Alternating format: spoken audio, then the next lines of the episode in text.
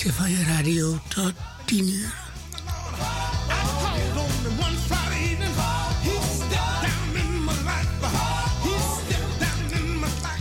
Vader in de hemel, overnacht, vanavond vragen wij ons te zegenen. In Jezus' naam, amen.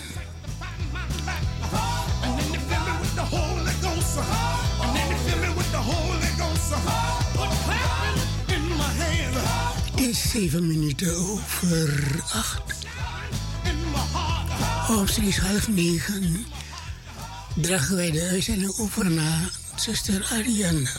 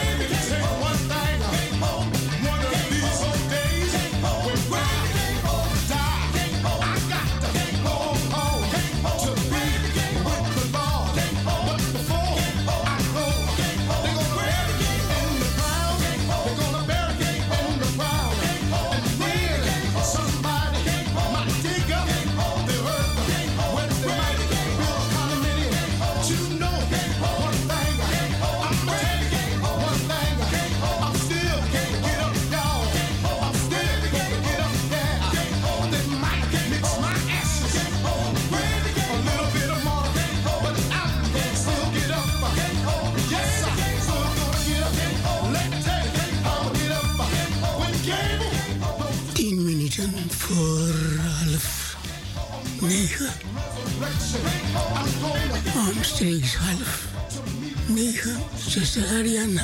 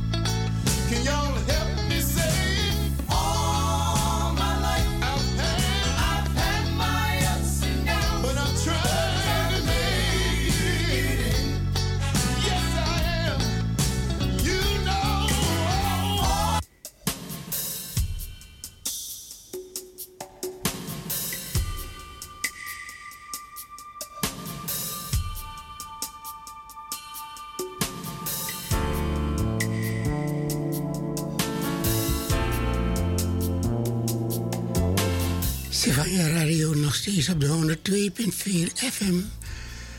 Op de kabel. Zoals daarna doorgegeven, nu tijd voor zuster Ariane met het jeugdprogramma.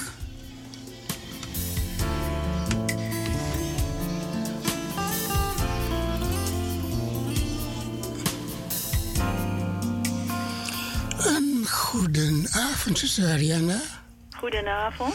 Van harte welkom en even zegen toegewenst. Dank u wel. Alsjeblieft. Ja, dank u wel. Ja, lieve luisteraars, we hebben weer een uh, boeiend programma. En dit keer over hetgeen wat wij moeten weten. We moeten weten wat de Heer is komen brengen. En uh, dit keer gaat het dus over de bergreden. De bergreden is zo noodzakelijk, omdat dat een compact ding is... Uh, wat de Heer ons is komen brengen. Hoe wij dus ja, eigenlijk tot hem kunnen naderen, in de hemel kunnen komen en voor hem kunnen zijn wat hij van ons verlangt. Dus dat is eigenlijk in compact hoe ons gedrag moet zijn, hoe ons leven hier moet zijn op aarde en wat we moeten doen, wat de Heer het liefst van ons verlangt, wat hij ziet dat wij uh, kunnen doen als mens zijnde, zeg maar. Want we kunnen niet alles in eigen kracht. Heel veel zijn we dus afhankelijk van de Heer zelf, omdat hij ons die kracht geeft om het te kunnen doen. In eigen kracht, zo, wow, dat vind, vind ik te moeilijk, dat kan ik niet. Maar als je dan op hem vertrouwt en op hem bouwt, dan ga je het dus wel kunnen. En nu in deze tijd is dit zo noodzakelijk. Vandaar dat ik dit onderwerp aanhaal. En vandaar dat de Heer me duidelijk maakt dat dit eigenlijk het hart van hem is. En dat we dus dit moeten leren. En daarom ga ik eerst een gebed doen, waardoor je eh, je open kunt stellen voor dit wat ik nu ga behandelen. Hemelse Vader, dank u wel, o Vader, voor dit woord. Ik dank u voor dit woord, o mijn God, heren.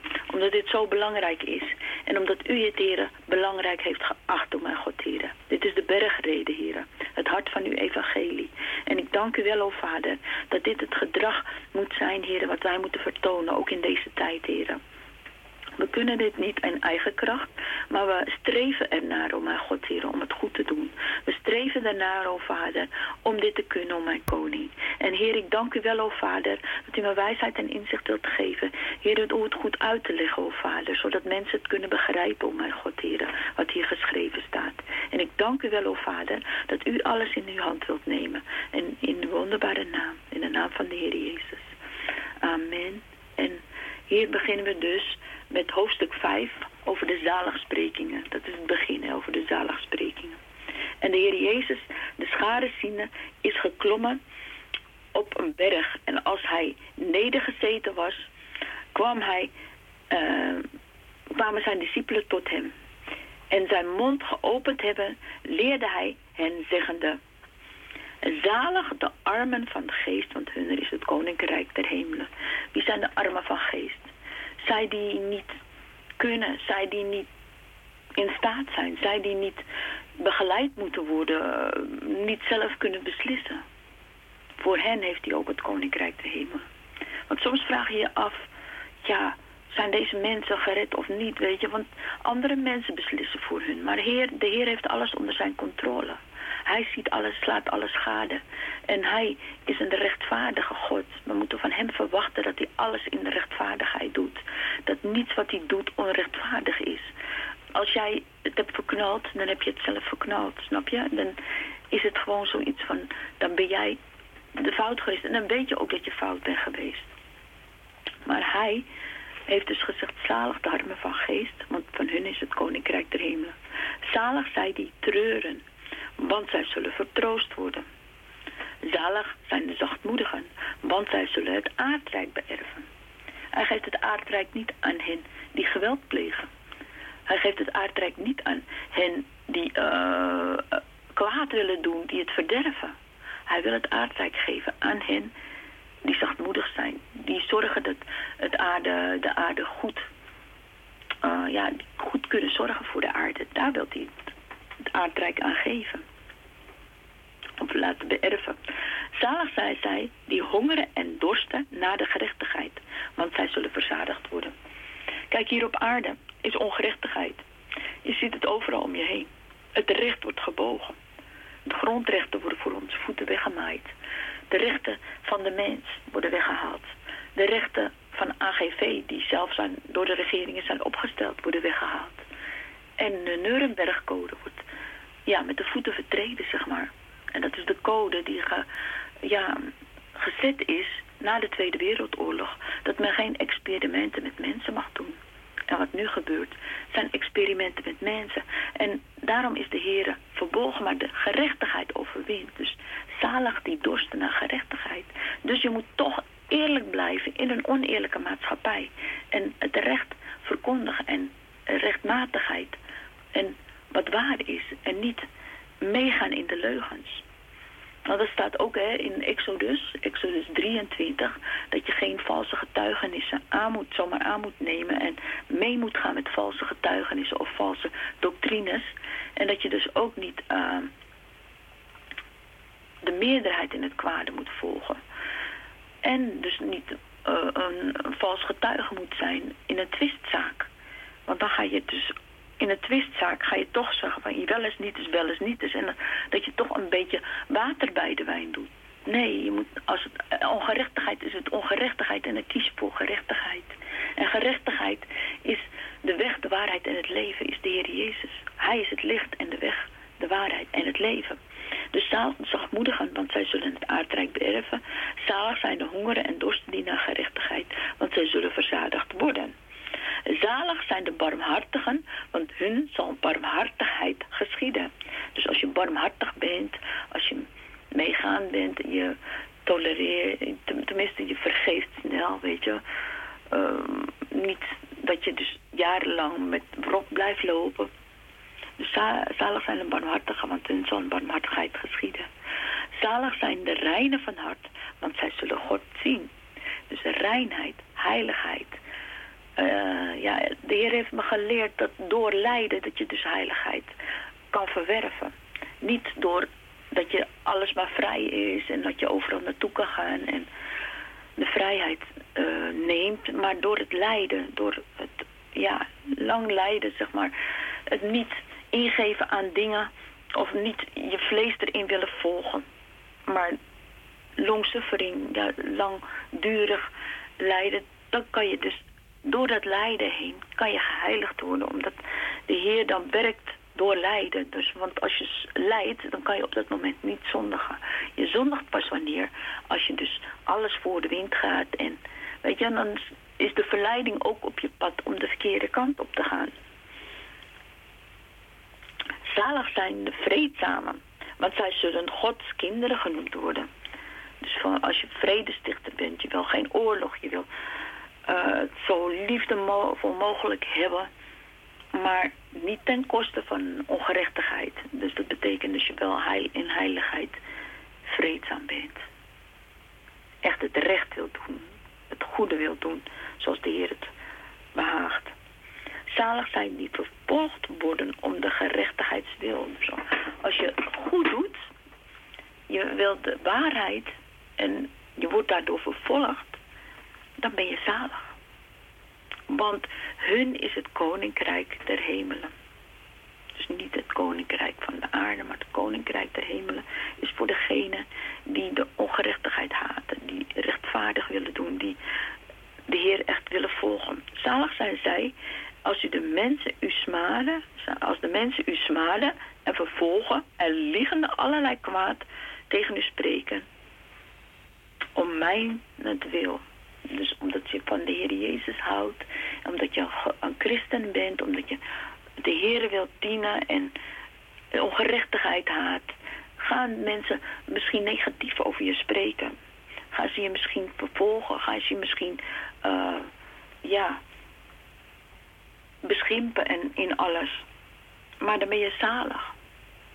Verblijd u en verheug u, want uw loon is groot in de hemelen. Want zo hebben ze ook vervolgd de profeten die voor geweest zijn. De profeten waren geen uh, profeten die meespraken met de mensen. Het waren profeten die waarschuwden. Net zoals Jeremia en uh, Ezekiel en dat soort mensen. Ze werden soms waren niet geliefd onder het volk vaak. Omdat ze dus de waarheid spraken. Alleen mensen die de heren voor 100% dienden. die konden hen volgen. Die konden hen begrijpen. Want als je dus mensen niet waarschuwt voor wat komen gaat... en ze blijven in hun mooie dingen hangen... dan kunnen ze ja, de verkeerde kant kiezen. En dat is niet de kant die de Heer wil. De Heer is goed en hij is barmhartig, maar hij is ook rein en heilig. Maar als jij voor de ongerechtigheid kiest, kan hij jou niet helpen. Daarom moest er ook een tucht komen. De mensen in Babylon moesten daar 70 jaar blijven. En dat had Jeremia ook gezegd. Van als, je, als er iemand komt en die, zegt dat je, dat je gelijk op kan pakken en terug kan gaan naar Jeruzalem, dan is dat geen een valse profeet. En in datzelfde jaar stond Shananja op. En hij profeteerde dat ze gelijk terug zouden gaan. Maar dat was een valse profetie. Dus de Heer is barmhartig en hij is goed en hij is goedertieren en hij over, over hen die hem willen volgen, die luisteren naar zijn stem, die op hem bouwen en vertrouwen. Zodat ze dus de ongerechtigheid, uh, ja, de, uh, van ongerechtigheid weg kunnen gaan. Gij zijt het zout der aarde. Zout is zo belangrijk. Zout is een smaakmaker. Als je eten hebt en er zit geen zout in, dan smaakt het niet. Dus wij zijn de smaakmakers van deze aarde. Waarom? Omdat we het zout hebben in ons. Omdat de Heer in ons woont en Hij maakt ons het zout der aarde. Dus Hij is dat zout in ons. En dat kan smaak geven aan de omgeving. Gij zet het zout der aarde indien nu zout nu smaakloos wordt. Waarmee zou er dan gezouten worden?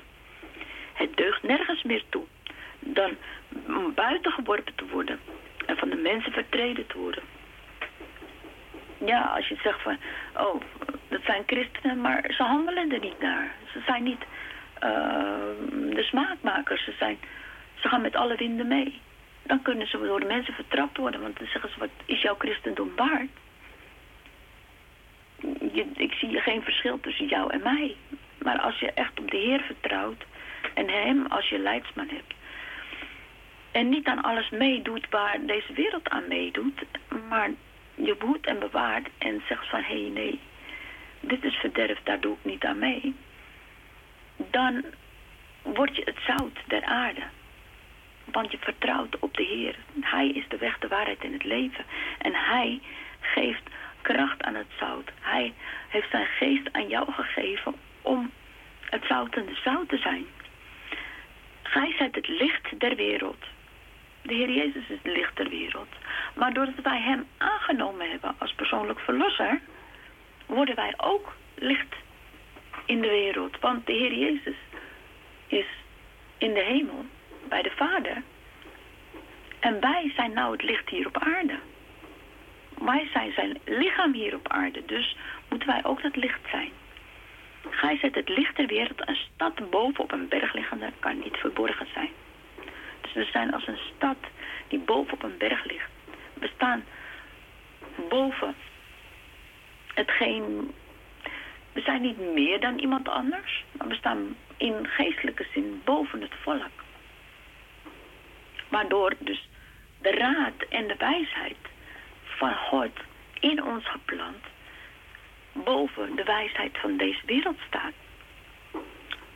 Nog steekt men een kaars aan en zet die onder een korenmaat. In die tijd hadden ze waarschijnlijk nog geen kaars, maar dan hadden ze wel lampen. Dus die lamp, die zet je niet onder de korenmaat, maar die zet je op de, koren, de korenmaat, zodat het schijnt. Maar op een kandelaar. En hij schijnt allen, um, voor allen die in een huis zijn, in het huis zijn. Laat uw licht alzo schijnen voor de mensen, dat zij uw goede werken mogen zien en uw Vader in de hemel is verheerlijken.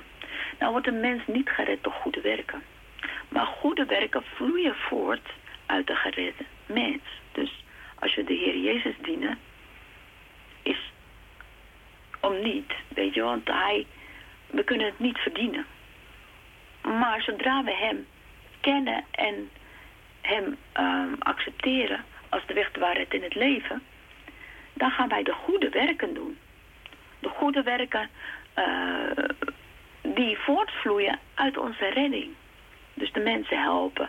Waaraan zij kunnen zien dat Christus in ons leeft. Als we niet iets doen, maar we zitten alleen maar thuis.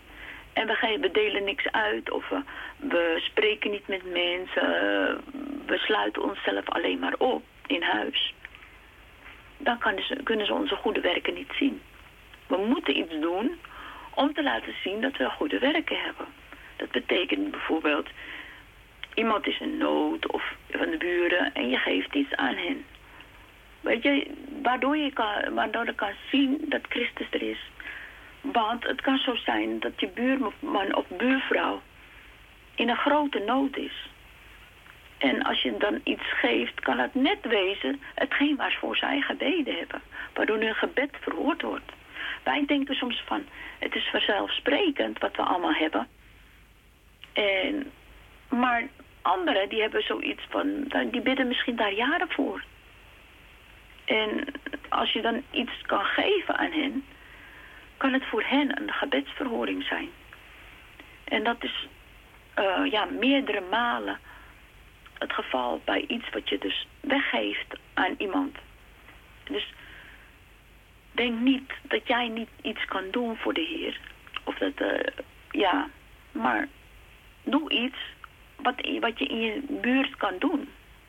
Wat mensen om je heen kan helpen. Niets doen is geen optie. Maar iets geven aan anderen maakt dus dat uh, je dus um, ja, een hart blij maakt. En dat je zelf ook je zegen daarvoor terug ontvangt. De Heer geeft jou een zegen, als ze geven anderen die zegen niet, al heb je iets gegeven. Laat het los. Ga niet denken van, oh hij moet dankbaar zijn. Of, nee, laat het los, dat is aan de persoon zelf. Als de persoon niet dankbaar is daarvoor, dan, uh, ja, dan het zij zo, zegt dan van heren, dank u wel, u weet het waarom. En het zijn allemaal dingen die jij hebt gekregen in je leven, waardoor de Heer verheerlijkt wordt door jou heen. En sommige mensen zijn dankbaar, andere mensen zijn niet dankbaar. Maar ga niet af op de dankbaarheid van iemand. Doe het omdat de Heer het op je hart legt om het zo te doen. Of de Heer het je duidelijk maakt om het zo te doen. Want ja, je hart kan soms misleiden. En daar moeten we ook voor oppassen. Meen niet dat ik gekomen ben, zegt de Heer. Want het is de vervulling van de wet en de profeten staat hier geschreven. Meen niet dat ik gekomen ben om de wet en de profeten te ontbinden. Ik ben niet gekomen om te ontbinden, maar te vervullen, zegt hij. De wet is belangrijk. Als er geen wet is, is er wetteloosheid. En heel veel mensen zeggen, oh, we leven niet onder de wet. Pardon? God is de wet. God is heilig en rein en hij wil gediend worden volgens zijn regels. Zijn regels zijn dat je dus hem lief hebt bovenal en naast als jezelf. De liefde is vervulling van de wet. Maar in de liefde zijn ook regels. Waarom? Omdat je dus niet iets gaat doen wat tegen een andere persoon is of wat tegen God is. Dat is geen liefde. Dus daarom zijn er wetten. Hij, de Heer Jezus is gekomen op de wet te vervullen. Als je bijvoorbeeld in het verkeer bent, heb je een rood stoplicht en een groen stoplicht. Een rood stoplicht moet je wachten. Een groen stoplicht mag je doorrijden. Dat rode stoplicht is voor jou geplaatst je wou moet wachten. Omdat anderen dan een groen stoplicht hebben. Dat zij dan door kunnen gaan. Snap je? Daarom is de wet gemaakt. De wet is gemaakt om rekening te houden met God. En rekening met je naaste of mensen. Want de mens is van nature egoïstisch. Een mens wil doen wat hij zelf wil. En daar moet je dus van af. Het gaat niet om wat jij zelf wil. Het gaat erom dat je je dus houdt aan Gods wil. Gods wet. Dat zijn wil bovenaan staat en dat we zijn wil doen. En zijn wil is dat je ook met je naaste rekening moet houden. Dus daarom heeft hij ook wetten ingesteld waardoor hij aan de eerste plaats alle eer krijgt. En dan je naaste als jezelf. Dus dat je je gelijk stelt met je naaste. Dat betekent niet dat je boven je naaste gaat staan. Dat betekent ook niet dat je onder je naaste gaat staan. Want je bent evenveel waard als die naaste. Maar dat betekent ook dat je die ander uitnemender acht. Dus daarom, als je een rood stoplicht hebt en een groen stoplicht... als het rood is, moet je wachten en die ander eerst voor laten gaan. En dan als het weer groen is, dan mag jij. En zo heb je ook met verschillende beslissingen die je neemt. En zeg van, ja, heren, wat geeft u groen licht of geeft u rood licht? Wat wilt u? Wilt u dat ik hiermee doorga of wilt u dat ik het niet doe? Kijk, als je doet wat jij zelf wil, moet je de gevolgen ook dragen van wat jij wil. Als je de Heer vraagt en hij zegt nee, dan heeft hij daar een bepaalde reden voor. En dat kan voor jou niet makkelijk zijn. Maar dan later zie je pas waarom dat geweest is. Want als je dan wel had gedaan en niet naar de stem had geluisterd, dan had je in gevolgen geweest. En zo komen mensen zo in moeilijkheden terecht. Dus ze zeggen van, hé, hey, de wet is niet meer voor vandaag. De wet, absoluut, de wet is voor vandaag. Het is zelfs erger nog. Dit wat hier nu straks geschreven staat, komt nog eens over de wet heen. De wet is nog steeds van kracht. De tien geboden zijn van kracht. Lees de tien geboden door. En probeer eentje te, oh, te zeggen, oh, die is niet voor vandaag. Ze zijn alle tien voor vandaag. En er zijn er ook nog andere wetten die in de Bijbel geschreven staan. Als je die overtreedt, dan krijg je ook de gevolgen daarvan. Hetgeen wat de Heer Jezus is komen doen, is de straf die op de wet rust. Dus de straf is het gevolg van, als je de wet overtreedt, krijg je straf. Dan krijg je de gevolgen. En die gevolgen, die heeft hij gedragen omdat die gevolgen te zwaar waren. In de woestijn moesten zoveel mensen sterven omdat ze de wetten hadden overtreden. Omdat ze ongehoorzaam waren, moesten ze allemaal sterven in de woestijn. Nu hebben we een pleitgrond en dat is de Heer Jezus. En de Heer Jezus is de wet voor ons in het woord Gods. Want het Gods woord is de wet. Dus de hele Bijbel is de wet, zeg maar. Maar het is in een mensgedaante naar beneden gekomen. Waardoor dat we hem konden aannemen als ons persoonlijk verlosser. Dan is het niet meer de wet is buiten ons, maar de wet is in ons.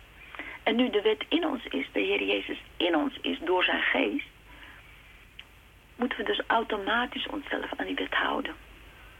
Anders dan krijg je door zijn geest krijg je ja, een wrijving waardoor zijn heilige geest van jou wordt weggenomen. Want je bent dan niet meer gehoorzaam aan hem. Dus daarom is het belangrijk om, als je hem als persoonlijk verlosser aangenomen hebt, dat je dus acht slaat op alles wat in de Bijbel geschreven staat. Alles wordt de wetten. Kijk, je wordt niet meer gestenigd of dat soort dingen voor de overtreding. Kijk, die overtreding die op de wet rust, daar is hij voor gestorven. Dat de gevolgen, net zoals stenigingen werd vroeger gedaan. Uh, sommige mensen moesten, uh, werden zelfs gedood of moesten allerlei straffen dragen. Die straf, die de zonde aanbrengt, die was op hem. Dus wat doen we? We beleiden onze zonde aan hem en we laten het na betekent dat we dus niet meer um, die, wet, die uh, overtreding willen doen. We willen hem gehoorzamen en we moeten vragen aan hem hoe we hem moeten gehoorzamen en dat hij ons helpt daarin. Want we kunnen vaak niet in eigen kracht gehoorzamen. Hebben hem nodig om gehoorzaam te zijn. Maar hij is dus de vervulling van de wet. Hij is niet gekomen om de wet terzijde te schuiven of af te doen, maar om het te vervullen. Want voorwaar, voorwaar ik zeg totdat de hemel en aarde voorbij gegaan zal zijn, zal niet één jota nog een titel van de wet uh, voorbij gaan, totdat alles zal zijn geschied. Dus de wet wordt vervuld, maar het is nog steeds, de vervulling is nog steeds bezig. Alles wat in het Oude Testament staat, moet in het Nieuwe Testament geschieden. En uh, er staat dus een jota en titel. Een jota is een grote letter. En een titel... Oh nee, jota, jota is een kleine komma. Of een kleine letter. En een titel is, is zo'n klein puntje wat er... Uh, wat hij dus... Uh, wat, wat eigenlijk een klinker versterkt. Dat is in het Joodse um, geschriften staan die. Dus die kleinste dingetjes die gaan niet voorbij tot het alles zijn, zal zijn geschied. Zo wie dan een van deze minste geboden zal ontbonden hebben en de mensen al zo geleerd zal hebben, die zal de minste genoemd worden in het koninkrijk der hemel. Dus als je dus enkele van die kleine geboden, je moet de tien geboden in Exodus 20 of zo staat het, de tien geboden goed doorlezen. En als je dan kleine dingetjes um, uh, ontbonden hebt en zal geleerd hebben, zal klein genaamd worden in het koninkrijk. Want je, je, je geeft maar een klein gedeelte. Eh, maar die het zelf zo gedaan zal hebben en geleerd hebben, die zal groot genoemd worden in het koninkrijk der hemel. Dus je kan het beste letterlijk alles opvolgen wat de Heer geschreven heeft. En het maakt je ook rein en heilig. Als je zegt Psalm 119. Psalm 119 is een reinigende psalm. Die kan je binnen lezen. Als je Psalm 119 hebt, dan heb je zoiets van... Hé, hey, dit is wat de Heer van me verlangt. De Heer wil dat we onze rein en heilig, onze rein en heilig banen en ons iedere dag schoonmaken van alle dingen van deze wereld. Daarom is het goed in zijn tegenwoordigheid te zitten en alles aan hem over te geven, zodat hij in jou iets kan doen. Want in eigen kracht gaat dit, gaan dit soort dingen niet lukken. Want dan doe je het met jouw wil en dan gaat het tegen Gods wil in. Terwijl als je op de Heer wacht en hem als je persoonlijk verlossen ja, aanneemt en zijn, op zijn wil wacht en zijn wil doet, dan gaat, gaan er dingen veranderen in je omgeving. Dus wie de minst van de geboden ontbonden zal hebben, die zal klein heten in het koninkrijk der hemelen. Maar wie ze dus leert en zo doet, die zal groot heten in het koninkrijk der hemelen. Want ik zeg u, tenzij u, uw gerechtigheid niet overvloedig zij, meer overvloedig zij dan die van de schriftgeleerden en de fariseeën, dat gij de, het koninkrijk der hemelen geen, zult, geen zin zult ingaan. De schriftgeleerden en fariseeën dachten dat ze geweldig waren. Dat ze het allemaal goed deden. Ze waren echt zoiets van, wauw, uh, wij doen wat, wat God zegt en wij zijn de schriftgeleerden. En dus voelden zich hoogmoedig. En dat wil de Heer dus niet hebben. We moeten dus afhankelijk van hem zijn. Want ik zeg het, gij hebt gehoord dat de, dat de oude gezegd is, gij zult niet doden.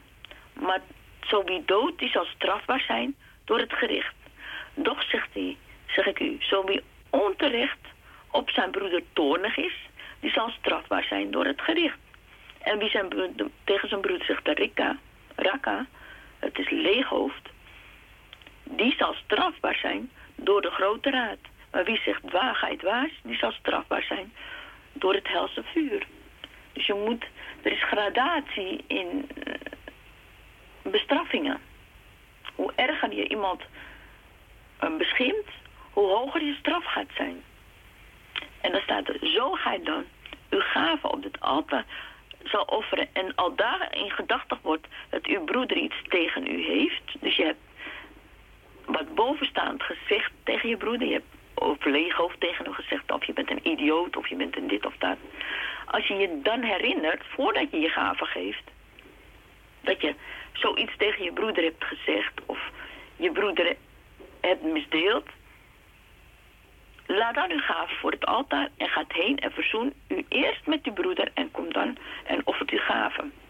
Hier wordt dus niet gesproken dat iemand je zomaar zonder reden beschermt of om Christus naams wil jou aan de kant schuift. Hier wordt gesproken dus. Jij weet dat jij iets tegen die broeder hebt gedaan of tegen die zuster hebt gedaan wat niet terecht was, wat niet conform. Uh, want die broeder had jou niets gedaan. Of die zuster had jou niets gedaan. En toch spreek je iets tegen die broeder of zuster uit. Als je dat herinnert, dat je dat gedaan hebt. Laat dan je gaven. En ga eerst heen om te verzoenen met je broeder. Want die broeder kijkt jou dus niet meer aan om die reden. Of mijt jou om die reden. Gaat weg om die reden bij jou. Dus als dat zo is, dan moet je dus teruggaan naar die broeder om dus ehm ja, te gaan verzoenen met die broeder of zuster. Dat is dus aan jou. En niet aan iemand anders, want het gaat erom, jij hebt dat gezegd tegen die broeder. Jij hebt dat gezegd tegen die zuster. En je weet het je te herinneren. Daarom moet je je dus zorgen dat dat wordt opgelost. Dat dat een zaak is.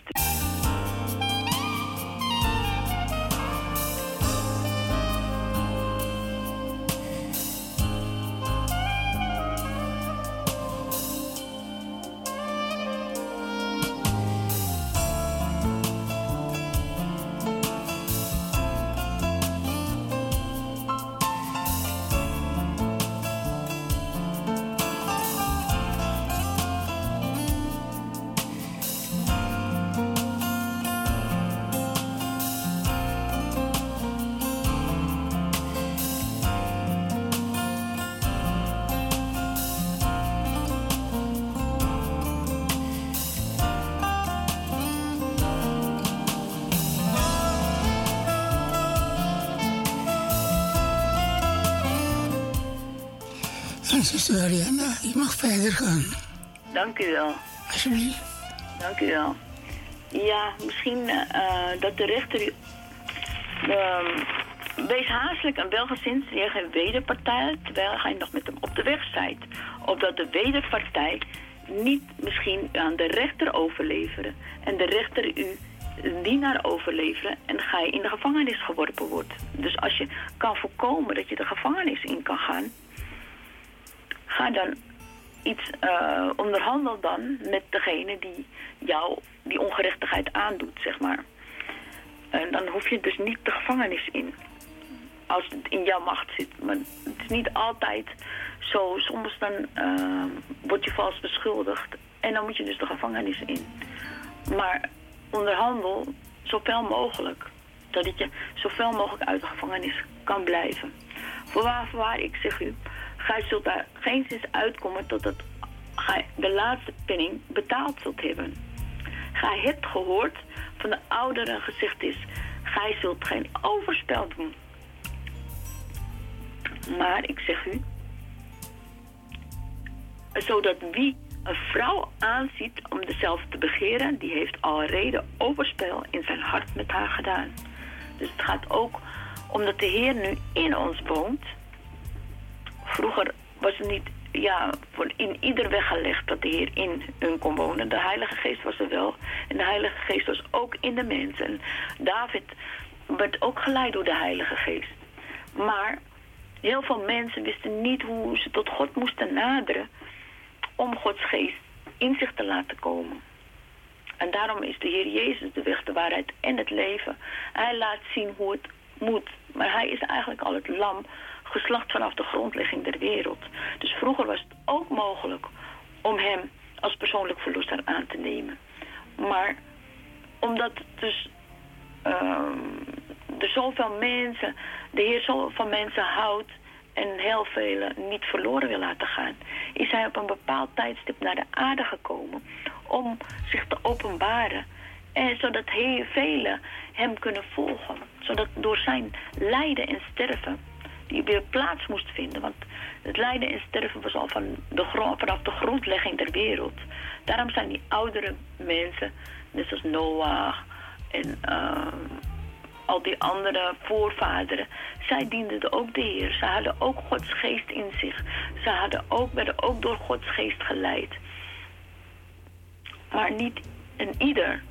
Je zag de mensen in die in de woestijn stierven. Stierven zonder de Heer in de woestijn. Waarom? Omdat ze dus vertrouwden op mensen die hun leiders waren en daarna luisterden. Ze hadden niet echt een persoonlijke relatie met God.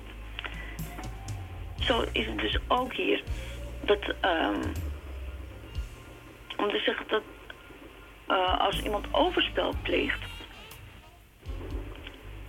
en hij heeft dus begeert in zijn hart, pleegt hij al overspel. Omdat God heilig is en jij een tempel bent van zijn geest, dan uh, zijn overspelige gedachten zijn al een, uh, iets waardoor je dus uh, in overtreding bent. En indien dan uw rechter oog u ergert, trek het dan uit en werp het van u. Want het is in niet van net dat uw leden vergaan en uw gehele lichaam in de hel geworpen worden. Dus het gaat erom dat je dus rein en heilig met hem leeft. Waardoor je dus geen ongerechtigheid toelaat. Indien uw rechterhand u ergert, hou het af en werp het van u. Want het is geen nut dat één uw leden vergaat en de, het is uw nut dat één uw leden vergaat en niet je hele lichaam in de hel geworpen wordt. Dit is dus letterlijk omschreven. Dit hebben mensen ook letterlijk uitgevoerd in bepaalde tijden. Ook in tijden dat ze in de gevangenis waren en niet van een bepaalde zonde af konden komen. Maar het gaat erom van probeer op hem te vertrouwen. Dan hoef je dus je ledematen niet te verliezen. Dan kan je gewoon zeggen van... hé, hey, ik vertrouw op de Heer volkomen. En niet op de dingen van deze wereld. Er is ook zo gezegd, wie zijn vrouw verlaten zal... die geven haar een scheidbrief. Dat is in de wet van Mozes gezegd. Maar ik zeg u, dat zo wie zijn vrouw verlaten zal anders dan ter oorzaken van hoererij, die maakt dat zij overspel doet. En wie dan de verlatene zal trouwen, die doet overspel. Dus als je een vrouw verlaat, niet om oorzaken van hoererij, dat betekent als er geen overspel in de relatie plaatsvindt. Dus als je zegt van hé, hey, er is iemand gekomen en die Ehm, die vrouw is afgedwaald, dan kan je, ben je vrij om te hertrouwen. Maar als dus, uh, als dus die relatie, ehm, ja, zeg maar, ehm, de persoon heeft geen overspel gepleegd, dus die, en die vrouw wil je dan verlaten, dan maak je dus dat er met haar overspel gepleegd. Waarom? Zij heeft het verbod niet verbroken jij hebt het verbond verbroken. En jij maakt dus dat die vrouw ook overspel gaat kunnen doen. Terwijl als je zegt van, hé hey, nee, ik blijf bij mijn vrouw, want zij is mijn wettelijke vrouw. Dan heb je geen probleem. Maar als je, uh, als iemand anders haar trouwt, dan pleegt die persoon ook overspel. Waarom?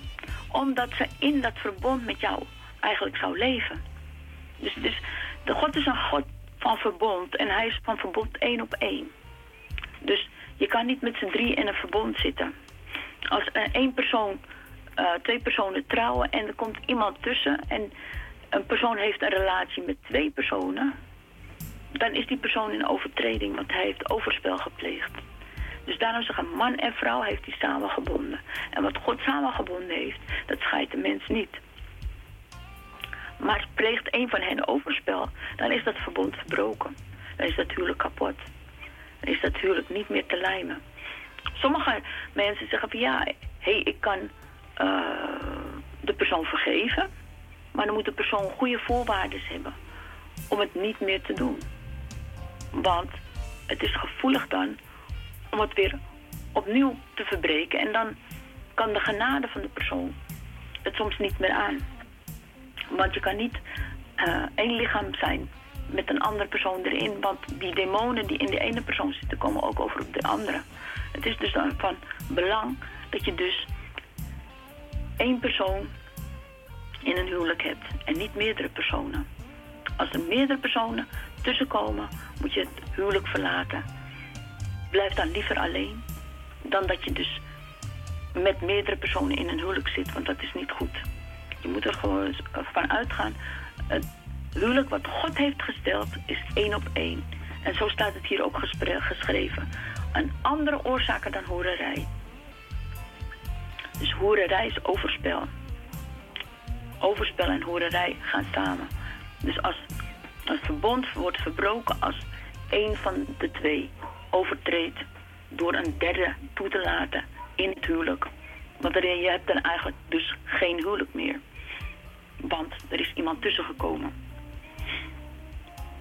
Dus dat maar ik zeg u van wie zijn vrouw verlaten zal, anders dan uit oorzaak van hoererij, die maakt dat zij overspel doet. En wie een verlatene zal trouwen, zo, zo wie de verlatene zal trouwen, die doet dan overspel.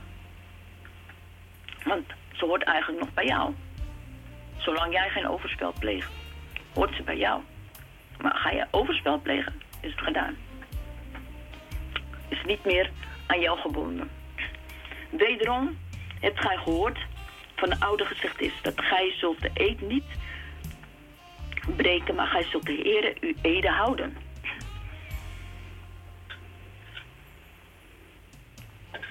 Je moet je eed houden aan de Heer. Maar ik zeg u, zweer ganselijk niet. Nog bij de hemel, omdat zij de troon van God is. Nog bij de aarde, omdat zij de voetbank van zijn voeten is. Dus we moeten niet zweren. Nog bij Jeruzalem, omdat zij de stad van de grote koning is. Zeg je ja is ja en je nee is nee. Nog bij uw hoofd zult gij zweren, omdat gij geen haar kunt wit of zwart maken. Maar laat uw woord ja zijn en je nee, nee. Want als je zweert, kan je niet herroepen. Als je zegt ja, ja en nee, nee, dan kan je zeggen van, oh, maar ik had, toen had ik dat fout gezien. Weet je, want wij zijn hier op aarde en we zien maar vanuit het aardse perspectief. Maar God is in de hemel en hij ziet meerdere perspectieven. En als wij zeggen, we zweren dit of zweren, dan kan je het niet meer herroepen. Maar als je ja, ja is en je nee, nee, dan kan je zeggen van, oh, maar ik was toen fout. Vergeef me, Heer, ik mag het niet meer doen. Snap je? Maar met zweren is, dan staat er iets vast. En dan kan je niets meer herroepen en dan is het klaar. En als jij dan fout bent, dan sta je op je woord, ben je dus fout. En daarom is het niet goed om te zweren. Zeg ja of nee, of misschien maar ga niet in uh, claims, weet je, van het is zo en het zij zo, maar... Want het kan wezen dat je het misschien toch fout hebt gehad. Dus die mogelijkheid moet je erin laten. Maar ja, laat je ja, ja zijn en je nee, nee. Wat boven is, dat is uit de boze. De sfeer is eigenlijk uit de boze. Gij hebt gehoord dat gezegd is oog om oog en tand om tand. Dat is het vroeger. Weet je, als de ene iets deed, dan kon de ander iets terug doen. Maar ik zeg u dat gij de boze niet zal wederstaan. Maar zo wie op de rechterhang slaat, keert hem ook de linkerwang toe. En zo iemand uw rechter wil en uw rok wilt nemen, laat hij ook uw mantel nemen. En wie zal dwingen één maal met hem te gaan, ga met hem twee mijlen. Dus ga soms met de vijand mee om hem beschaamd te maken. Geef de aan degene die iets van u bidt en keert u niet af van degene die van u lenen wil. Het is niet, gaat het altijd op, omdat sommige mensen misbruik maken van lenen. En dan weten ze, oh, we kunnen bij haar lenen. En dan hoeven we niet meer terug te betalen. Want ze gaat er toch niet om vragen. Of uh, dat soort dingen, weet je. Dus je moet echt ook uitkijken met wie je, ja, je kan lenen. Maar als, een, als misbruik van je gemaakt wordt, dan leen je de volgende keer niet meer uit. Maar belemmer de persoon niet, in eerste instantie, om niet uit te laten lenen. Toets hem daarin. Iemand van je rechten wil, Laat u ook uw rok nemen en ook uw mantel. Zou iemand dwingen één maal met je te gaan, uh, ga twee mijlen. Geef degene die van u bidt. En keert u niet af van degene die van u lenen wil. Gij hebt gehoord en gezegd dat gij zult uw naaste lief hebben en uw vijand zult gij haten. Dat is het Oude Testament. Dat is vijand. Gij hebt gehoord... Maar, ik zeg u, Hebt uw vijanden lief. Zegen hen die u vervloeken. En doet wel degene die u haten. En bid voor degene die u geweld aandoen. En u vervolgen. Kijk, dat heeft de Heer gezegd. We moeten onze vijanden lief hebben. Maar we kunnen onze vijanden niet lief hebben zoals we ons naaste lief hebben. Kijk, ons naast heeft ons geen kwaad gedaan. Maar onze vijand heeft ons kwaad gedaan. Dus je hebt de persoon lief met in je achterhoofd. Ik kan geen vrienden met hem zijn. Niet in de situatie waar ik nu ben. Want het is je vijand. Anders was je je vriend. Of anders was je je naaste, dus je buurman of je buurvrouw. Die jou geen kwaad heeft gedaan. Die misschien hele andere leer volgt toch dat jij volgt. Maar hij, heeft, hij of zij heeft jou geen kwaad gedaan. Dus dat is het je naaste. Maar je vijand is iemand die achter jou aan zit. Die jou uh, om zeep wil helpen, zeg maar. Daar kan je geen vrienden mee zijn in die situatie. Maar uh, heeft hij een koe en die valt in een put, dan help je hem mee eruit. Al zijn ze verkeerd bezig, je helpt hem. Wanneer hij in nood is, zijn ze in huis en je kan ze eruit halen of redden, je helpt hem. Waardoor je dus laat zien dat je dus hem niet uh, als vijand beschouwt. Terwijl hij jou wel als vijand beschouwt. Waardoor je dus uh, laat zien dat, dat uh, ja, eigenlijk je karakter tegenover hem beter is dan het karakter wat hij vertoont. Waardoor hij dus misschien niet je vijand meer blijft, maar ook een vriend kan worden. En op die voet kan je dus wel normaal als naaste met hem omgaan, maar niet in vijandschap. Maar ik zeg, u hebt uw vijanden lief en zegent ze. Die u vervloeken en doet wel degene die u haten.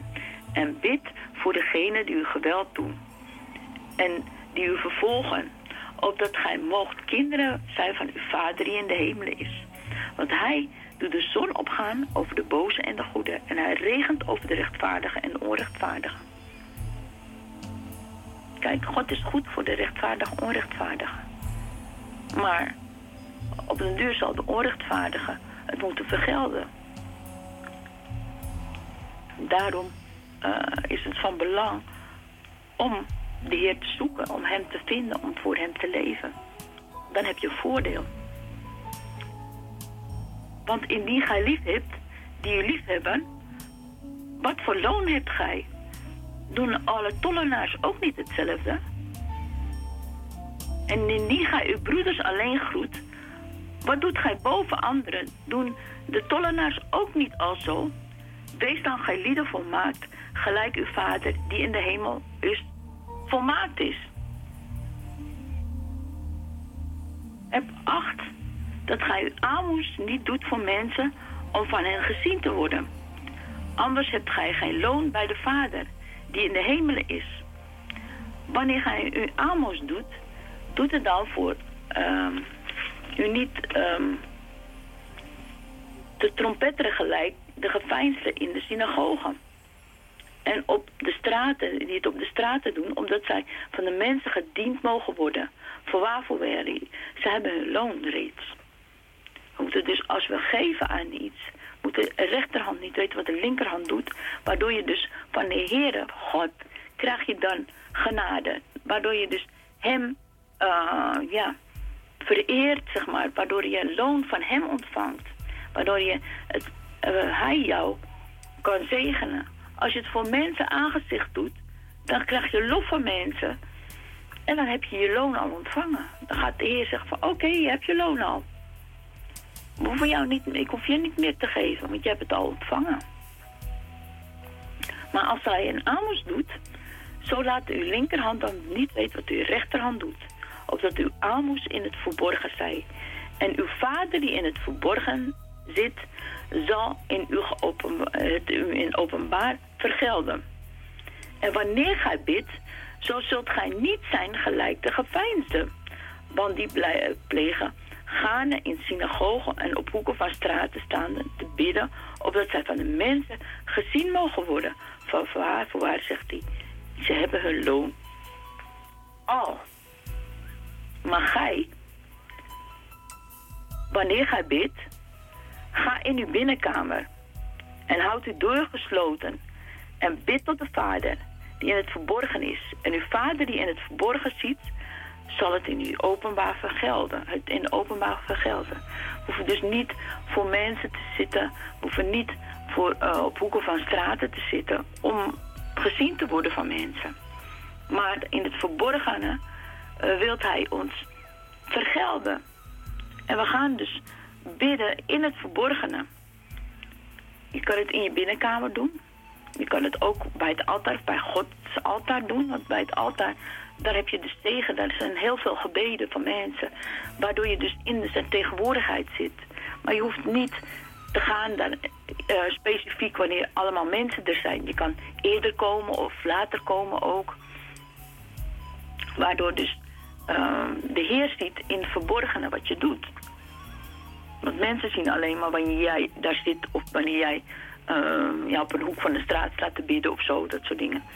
Maar doe het voor hem en niet voor de mensen. En als gij bidt, gebruik geen ijdel verhaal van woorden, gelijk de heidenen, want zij menen dat ze door een veelheid van woorden gehoord zullen worden. Worden hen niet gelijk, want de Vader weet wat uh, gij van noden hebt, eer gij hem bidt. Dus voordat je gaat bidden, weet de Vader al wat je, no wat je nood is. Dus je hoeft geen moeilijke woorden te gebruiken of omhaal van woorden. Hij weet al wat, jij, wat, jij, wat jouw plannen zijn of wat jij graag wil weten. Maar bid ga al dus, zegt hij. Onze Vader die in de hemelen zijt, uw naam worden geheiligd, uw koninkrijk komen. U wil geschieden, gelijk in de hemel, alzo ook op aarde. Geef ons heden ons dagelijks brood en vergeef ons onze schulden. Gelijk ook wij vergeven onze schuldenaren. En leid ons niet in verzoeking, maar verlos ons van de boze. Want van u is het koninkrijk en de kracht en de heerlijkheid tot in aller eeuwigheid. Amen. Dat is het wat, we, wat wij moeten bidden.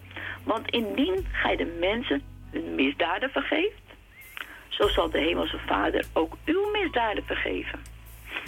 Maar indien gij de mensen hun misdaden niet vergeeft, zo zal uw vader uw misdaden ook niet vergeven. Dus zo gaat het eigenlijk zoiets van, als jij mensen vergeeft, kan hij jouw misdaden ook vergeven. Maar als je die mensen hun misdaden niet vergeeft, vergeeft hij de jouwe ook niet. En dan kan je zeggen van, ja, ik kan het niet. Zeg, heer, hier heeft u het. Ik leg het in uw hand. Uit mezelf kan ik dit niet. Maar u kunt het wel. En wanneer ga je dan vast, toont geen droevig gezicht gelijk de ge. Want zij mismaken hun aangezichten, opdat zij van de mensen mogen zien, gezien worden als zij vasten. Voorwaar, voorwaar, ik zeg u, dat zij hun loon al weg hebben. Dus als je vast, moet je geen uh, droevig gezicht betonen. Want dat doen de geveinsden ook. En ze maken, maken hun aangezicht omdat zij van mensen gezien mogen worden. Oh, ik ben aan het vasten. Jo, dit, nee, je hoeft het niet eens te zeggen. Maar als gij vast, zalf uw hoofd en was uw aangezicht. Opdat gij van de mensen niet gezien worden als gij vast. Maar van uw vader die in het verborgen is. En uw vader die in het verborgen is, die zal het u in het openbaar vergelden. Dus de Heere vergeldt wat je voor hem bidt, wat je in vasten en bidden van hem verlangt. Vergadert u ook geen schatten op de aarde, waar mot en roest ze verderft en waar dieven doorgraven en stelen. Maar vergadert u schatten in de hemel, waar ze nog mot, nog roest verderft en waar dieven niet doorgraven nog stelen. Want waar uw schat is, daar zal ook uw hart zijn. En het kaars van het lichaam is het oog. En die naar uw ogen eenvoudig is, zo zou het hele, hele lichaam verlicht zijn. Dus we moeten geen schat op aarde verzamelen. Onze schatten in de hemel.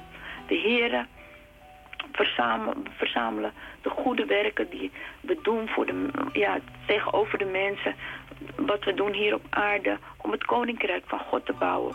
Om te laten zien dat we dus de weg, de waarheid en het leven volgen. Dat zijn onze schatten. Waardoor we dus bouwen aan een hemels koninkrijk. Dus dat we dus eigenlijk onze stenen voor het huis van de Heer uh, ja, maken door onze rechtvaardigmaking, door onze rechtvaardige daden. En daar kunnen ze dus niet stelen, want de Heer Jezus bepaalt daar in de hemel welke schatten hij voor ons daar heeft neergelegd. Want waar uw schat is, daar zal ook uw hart zijn. De kaars van het lichaam is het oog. Zo'n ogen. En dat zie je ook terug hè, in de kandelaar die uh, heeft. Dat, dat de zeven ogen zijn die over de ganse aarde staan, gaan.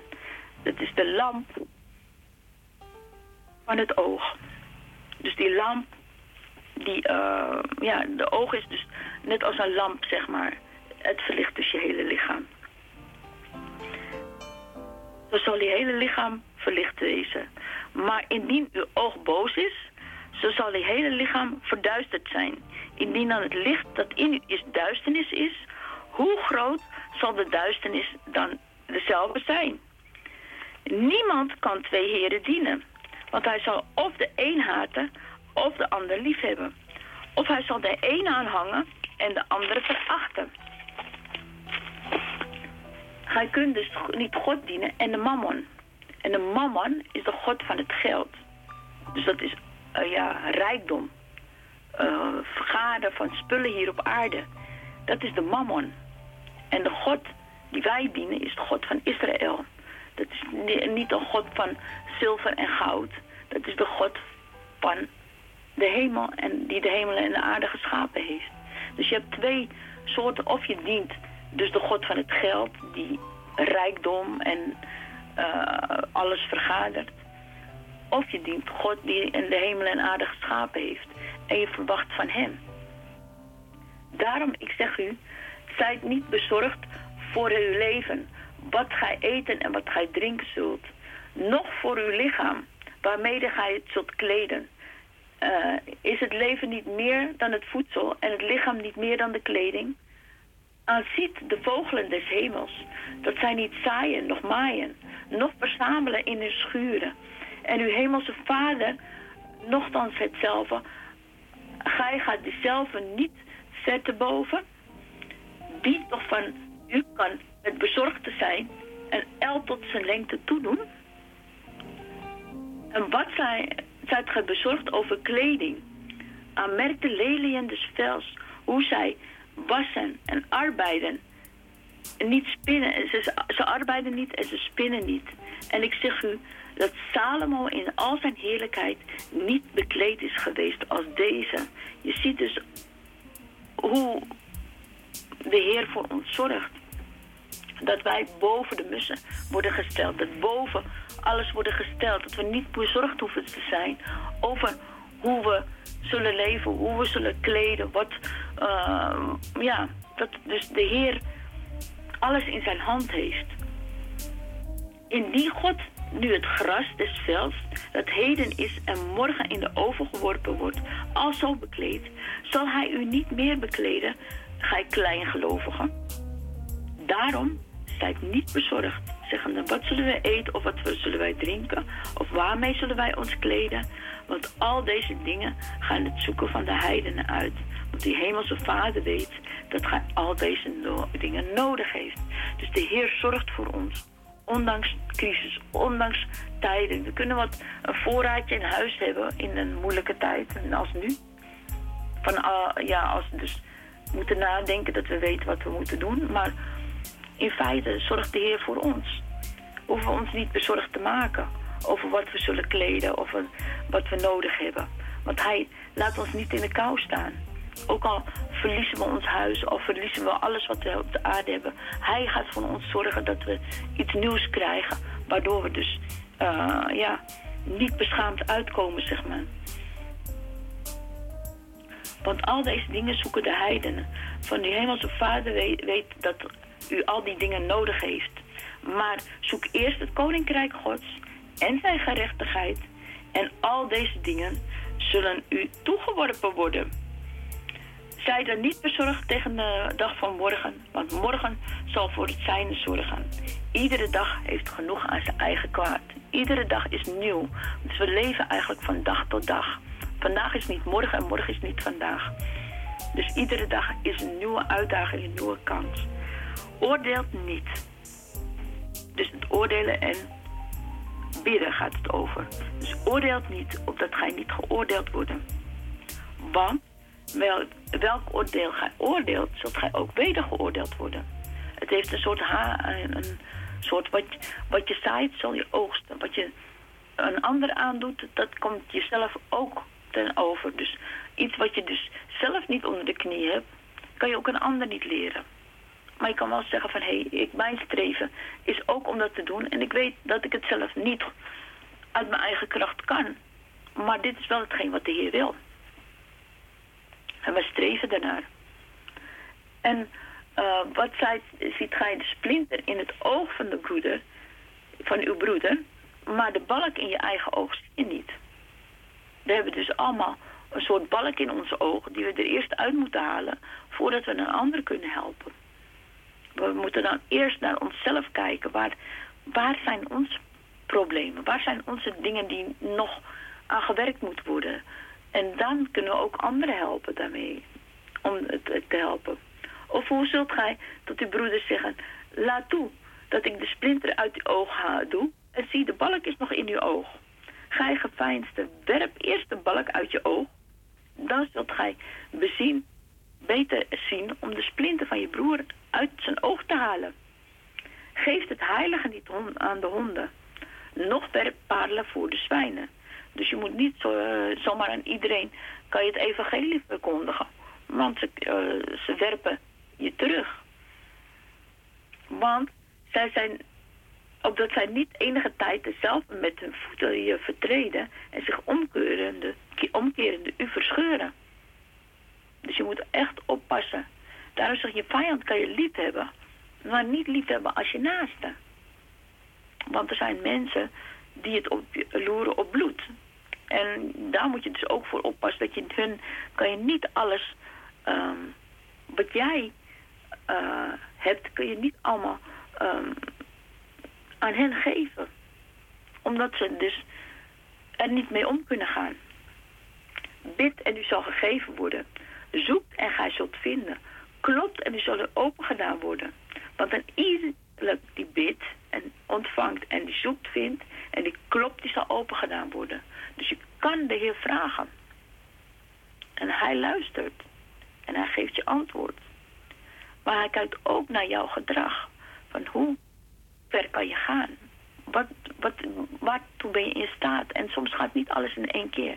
Soms gaat er jaren over om iemand klaar te maken voor de opdracht die je moet um, uitvoeren. Zo moest Mozes 40 jaar in de woestijn zwerven en dingen leren en met mensen omgaan daar. Voordat hij klaar was om echt het werk te doen om het volk van Israël te bevrijden. En om door de Rode Zee te gaan en het volk te leiden. Dat ging 40 jaar, moest hij daar voor in de woestijn zijn. Voordat hij klaar was. Dus een voorbereiding, dat jij zegt van, oh de Heer maakt me klaar in één dag. Dat gaat dus niet. Er gaan dus jaren overheen. Op wat voor mens is er onder u, zo zijn zoon hem zou bidden om brood, die hem een steen zou geven? En zo bij hem die om een vis zou bidden, zou je hem slang geven. Indien gij die boosheid deed uw kinderen goede gaven te geven, hoeveel te meer uw vader die in de hemelen zijt, uh, zal goede gaven geven aan die die het van hem bidden, die erom vragen. En zeg, Heer, geef me goede gaven. Het kan een gebed zijn. Heer, ik wil goed zijn. Ik wil doen wat u van mij verlangt. Alle dingen dan die gij wilt dat u de mensen zou doen, doet gij hun evenzo. Want dit is de wet en de profeten. Dus de wet en de profeten, dus de hele Bijbel eigenlijk, het hele Oude Testament, is doe wat gij wilt dat de mensen u doen. Wat zou je verlangen dat iemand voor jou deed? Doe dat aan iemand anders. Wat zou jij verlangen dat jij uh, zou willen ontvangen? Doe het voor iemand anders. Want hetgeen jij wil ontvangen, als iedereen wil ontvangen, zijn er geen mensen die het willen geven. Daarom heeft hij het ingesteld van, als jij zoiets wil ontvangen, doe het aan iemand anders. Waardoor er misschien mensen komen, als, als het een sneeuwbaleffect heeft, dat iemand dat doet, dat jij het ook terug gaat kunnen ontvangen. Het zaaien- en oogstprincipe. Als jij goed wilt doen, moet je het goede zaaien. Of goed wilt ontvangen, moet je het goede, goede zaaien. Moet je ook datgene doen wat jij wel van een ander wil ontvangen. Want een ander kan dat niet geven, omdat jij het zelf niet geeft. Omdat jij niet het voorbeeld geeft in dat te geven. Wanneer kan een ander het ontvangen of wanneer kan jij het ontvangen? Als, jij, als er mensen zijn die dat juist gaan doen. Dus je moet eigenlijk aan de andere kant van de medaille staan. Of aan de andere kant van hetgeen wat je wil ontvangen. Heer, ik zou graag willen dat iemand dat voor me deed of dat voor me deed. Ga het voor iemand anders doen. Dan gaat, uh, gaat, gaan de deuren dus open.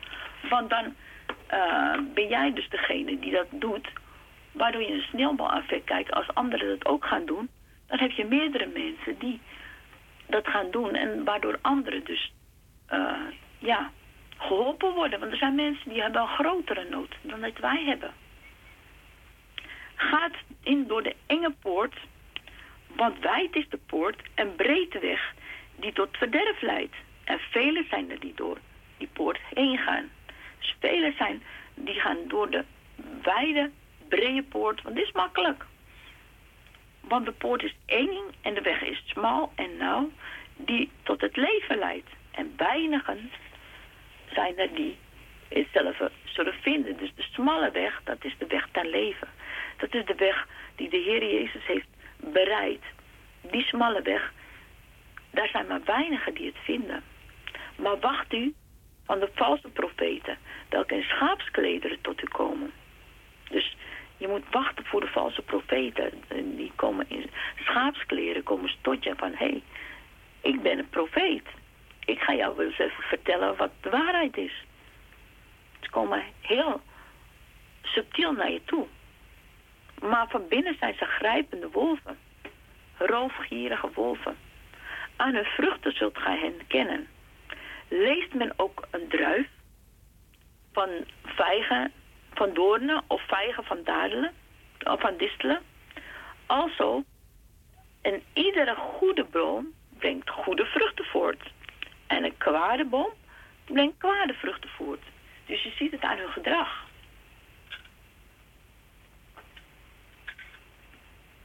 Dus het gaat niet om wat ze zeggen, wat ze doen. Het gaat ook om de acties, hun levensstijl.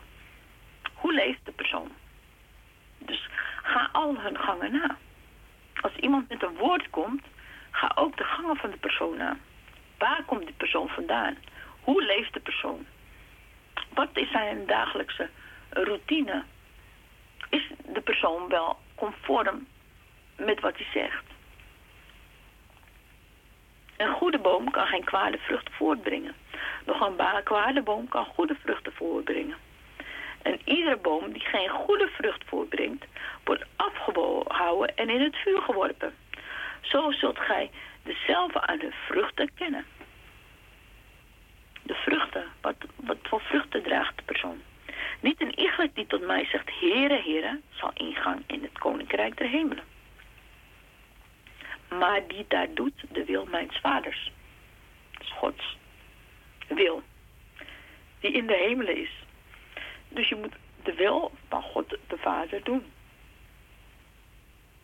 Dus wanneer niet een die, dan ga je het koninkrijk der hemelen in. Als je niet de wil van God de Vader doet, ga je dus het koninkrijk der hemelen niet in. Dan moet je dus vragen, Heer, wat is uw wil? Zodat ik die kan doen. Klopt of niet? Niet dat wij zeggen van, oh heer, we doen dit voor u, we doen dat voor u. Is dat zijn wil? Van we doen dit voor u of doet dat voor u. Dat is misschien helemaal niet zijn wil niet. Is dat, wie doet de wil mijns vaders? Dat betekent, heer, wat is uw wil? Dat je dat vraagt. Velen zullen die dagen tot mij zeggen, heren, heren, hebben wij niet in uw naam geprofiteerd, in uw naam velen uitgeworpen, vele duivelen uitgeworpen en in uw naam vele krachten gedaan. En dan zal ik u openlijk zeggen, Ik heb u nooit gekend. Ga weg van mij, gij werkers der ongerechtigheid. Werkers van ongerechtigheid. Waarom? Ze hebben iets in de Heer naam gedaan. We hebben geprofiteerd in uw naam. We hebben vele duivelen uitgeworpen in uw naam. Vele krachten gedaan in uw naam. Maar wat was de persoonlijke relatie? Ze hebben dat voor de Heer gedaan. Maar ze hebben hem nooit gevraagd. Ze hebben hem niet gevraagd, wat is uw wil? En er staat hier toch, wie de wil doet van mijn vader die in de hemelen is. Die zal het koninkrijk ingaan. En deze mensen hebben in eigen kracht dingen voor hem gedaan, duivelen uitgeworpen, geprofiteerd in zijn naam. Maar ze kenden hem niet, want ze hadden geen relatie met hem. Daarom zegt hij, en ik zal hen openlijk aanzeggen, ik heb u nooit gekend. Ga weg van mij, gij werkers die ongerechtigheid werkt. Dus gewerkers der wetteloosheid. Waarom? Ze buiten de wet, buiten de Heer. Want God is de wet. Buiten hem hebben ze omgewerkt. Dus daarom is het van belang om te vragen, Heer, wat is uw wil? Zodat ik kan doen wat uw wil is. Het is niet dat wij dingen voor de Heer gaan doen om hem te pleasen. Het is, Heer, wat is uw wil? Zodat ik kan doen wat u van mij verlangt. En iegelijk dan, die deze mijn woorden hoort en hetzelfde doet, die zal ik vergelijken met een voorzichtig man die zijn huis op de steenrots heeft gebouwd. Want de steenrots is Christus. Omdat ze in zijn meel wandelen. Omdat ze hem als hoeksteen in hun leven hebben. En daaruit vloeiend de werken doen die hij van hen verlangt. En er is een slagregen nedergevallen en waterstromen zijn gekomen en de winden hebben gewaaid en tegen hetzelfde huis is het aangevallen en het is niet gevallen, want het was, uh, het was op de steenrots gegrond. Dus dat huis is niet om, want je hebt afhankelijk van de Heer gewerkt. Je hebt op Hem vertrouwd. Hij was de hoeksteen van jouw leven. En je hebt dus zijn wil gedaan. Dus dat is alles wat ik vandaag gelezen heb. Dat heb je in acht genomen, want dat is zijn wil. Dus van hoofdstuk 5 tot en met hoofdstuk 7 van Matthäus. Daar staat geschreven de bergreden. Dat is het hart van het evangelie. Waarom, wat de Heer van ons verlangt. En hij verlangt dus dat we God, de Vader, zijn wil doen. Dus waar God vragen, Heer, wat is uw wil? Dat ik daarin meevloei, dat ik daarin mee kan gaan. Dus dat de wil voor mij leven. En iedereen heeft een persoonlijke relatie met hem. Hij heeft me ook laten zien dat, uh, dat hij dus uh, vleugels heeft. Net zoals in Psalm 91. En dat we onder die vleugels van hem kunnen schuilen. Maar hij heeft voor ieder een apart stel vleugels. Hij is God, maar hij kan zich multipliceren. Dus voor ieder heeft hij persoonlijk hun eigen vleugels. En dat zijn ontelbare. Dat kan je niet overzien. Hij heeft voor een ieder die wil, heeft hij vleugels klaar. Waar je onder kan schuilen. Ook met het bronnen van levend water. Als wij zien van hé, hey, een bron van levend water, kruikjes met allemaal water eruit stromen. Heel veel kruiken met water. Maar hij heeft voor een ieder van ons apart, heeft hij zo'n set met kruiken en water. Dat is onvoorstelbaar. Dat houdt niet op. Dat, dat, dat stroomt. En dat levende water is zo veel dat je dus het niet kan omschrijven. Maar hij heeft voor een ieder apart iets. Waardoor het toch ook ja, als een puzzelstukje bij elkaar past. Want je past allemaal als een puzzel in elkaar. Dus alles wat zijn wil is, daar wordt aan gewerkt. En dat maakt het compleet. Dat maakt het dat hij voor een ieder persoonlijk als individu daar is. En dat je gezamenlijk, dus in zijn geest, door de geest voor de één, gezamenlijk kan werken. Maar dat hij ook voor een ieder persoonlijk iets heeft. Wat losstaat van een andere persoon. waardoor een andere persoon niet in kan komen. Dat is je tijd ook die je met hem doorbrengt. Je stille tijd, waardoor je in eenzaamheid of in alleenheid met hem doorbrengt. Waardoor hij je een persoonlijke relatie met hem aan kan gaan. Want gaat, alles staat en valt om een persoonlijke relatie. En dan zeg je van, die rots is de hoeksteen. En die hoeksteen wordt geplant in jou. Die hoeksteen is eigenlijk een steen die verworpen is. Maar doordat die verworpen is, heeft hij pijn geleden. Maar hij verschoont ook jou. Want die hoeksteen is scherp. Maar hij is de rots waarop wij ons... Uh, ja, uh, waarop wij het hemelse koninkrijk kunnen bouwen. Dus hij is de weg, de waarheid en het leven. En niemand legt die steen dan alleen hij in ons. En als we daarop bouwen en vertrouwen, dan wordt ons huis stevig. Dan wordt onze fundament wordt stevig, waardoor we dus niet wankelen. Want hij heeft de laatste plaats genomen. De hoeksteen is als de laagste plaats. Dus als je op de laagste van de laagste plaats kan staan, kan je overal staan. Want dat betekent het fundament is daar. En die rots, dat is de Heer Jezus, is dus het fundament. En als uh, um, en er is slagregen neergevallen. En waterstromen zijn gekomen. En de winden hebben gewaaid. En zijn tegen het huis aangevallen. En het is niet gevallen. Want het was op de steenrots gebouwd. Het was op Christus gebouwd. En een iegelijk die mijn woorden hoort en hetzelfde niet doet, die zijn, zijn als een dwaze man. En die zijn huis op het zand heeft gebouwd. En de slagregen is gevallen. En de waterstromen zijn gekomen en de winden hebben gewaaid en zijn tegen het huis geslagen. En het is gevallen en zijn val was groot. Waarom? Omdat hij op eigen kracht heeft vertrouwd. In eigen kracht ga je falen, kan je niet op de laagste plaats staan. En dan val je naar beneden. En je kan niet hersteld worden omdat er geen fundament is. De rots, de Heer, de Heer Jezus, de hoeksteen, is ons fundament is het fundament, is de basis voor ons leven. En de basis is Hij alleen. De enige weg, de waarheid en het leven waarop we kunnen bouwen en vertrouwen. En het is uh, geschied dat de Heer Jezus deze woorden gezegd had, geëindigd had, dat de schade zich ontzettend over zijn leer. Want hij leerde hen als een machthebbende en niet als de schriftgeleerde. Waarom leerde hij als een machthebben? Omdat hij alle macht heeft. Hij is de steen, de rots. Hij zegt, alles, alles staat en valt door mij. Door, omdat ik de hoeksteen ben. De hemel en de aarde zijn op mij gefundeerd. Er is niets anders om op te bouwen en te vertrouwen dan de Heer Jezus Christus alleen. Omdat hij de hoeksteen is. En daarom heeft hij de autoriteit. Hij had de autoriteit. En hij was meer dan de schriftgeleerden. De schriftgeleerden waren mensen die een leer aan het verkondigen waren. En de Heer Jezus kwam en hij kwam met autoriteit. Hij zei, ik ben de weg, de waarheid en het leven. Ik ben de weg tot de Vader.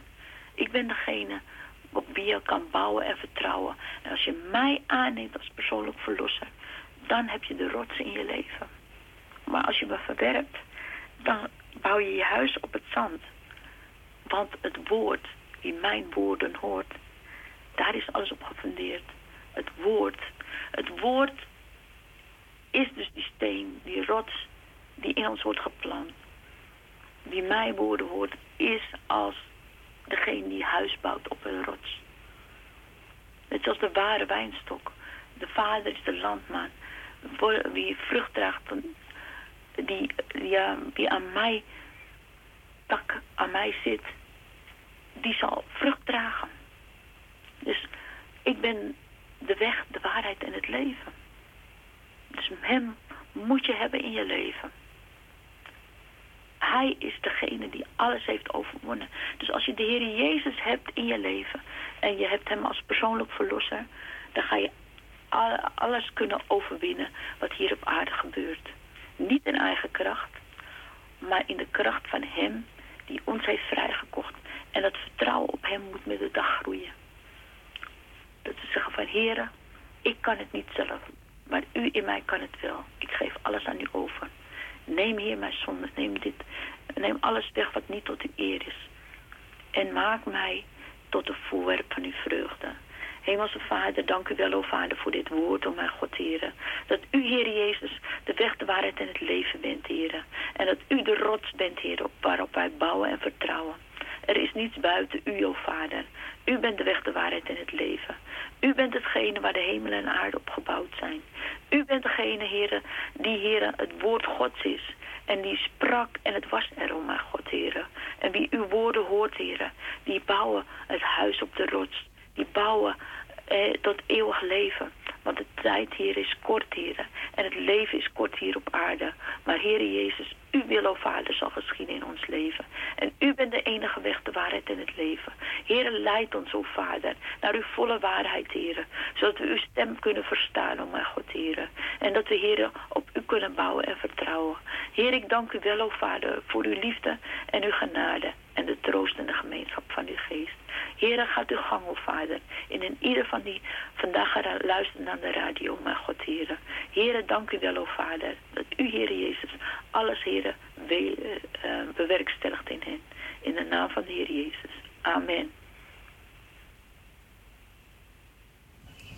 Amen, zuster Ariana. Bedankt.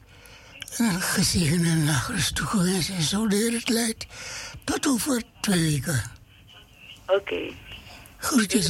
Het, het, is prima vandaag hoor. Ja? Ja hoor. Ik heb het gecheckt. Wel ziek tussendoor. Ja. Maar ik heb, ja. het, ik heb het gecheckt, dus... Uh, oh, oké. Okay. Prima. Oké, okay, bedankt nogmaals en tot uh, over twee weken, hè? Ja, is goed. Oké. Okay. Doei. Doei, doei.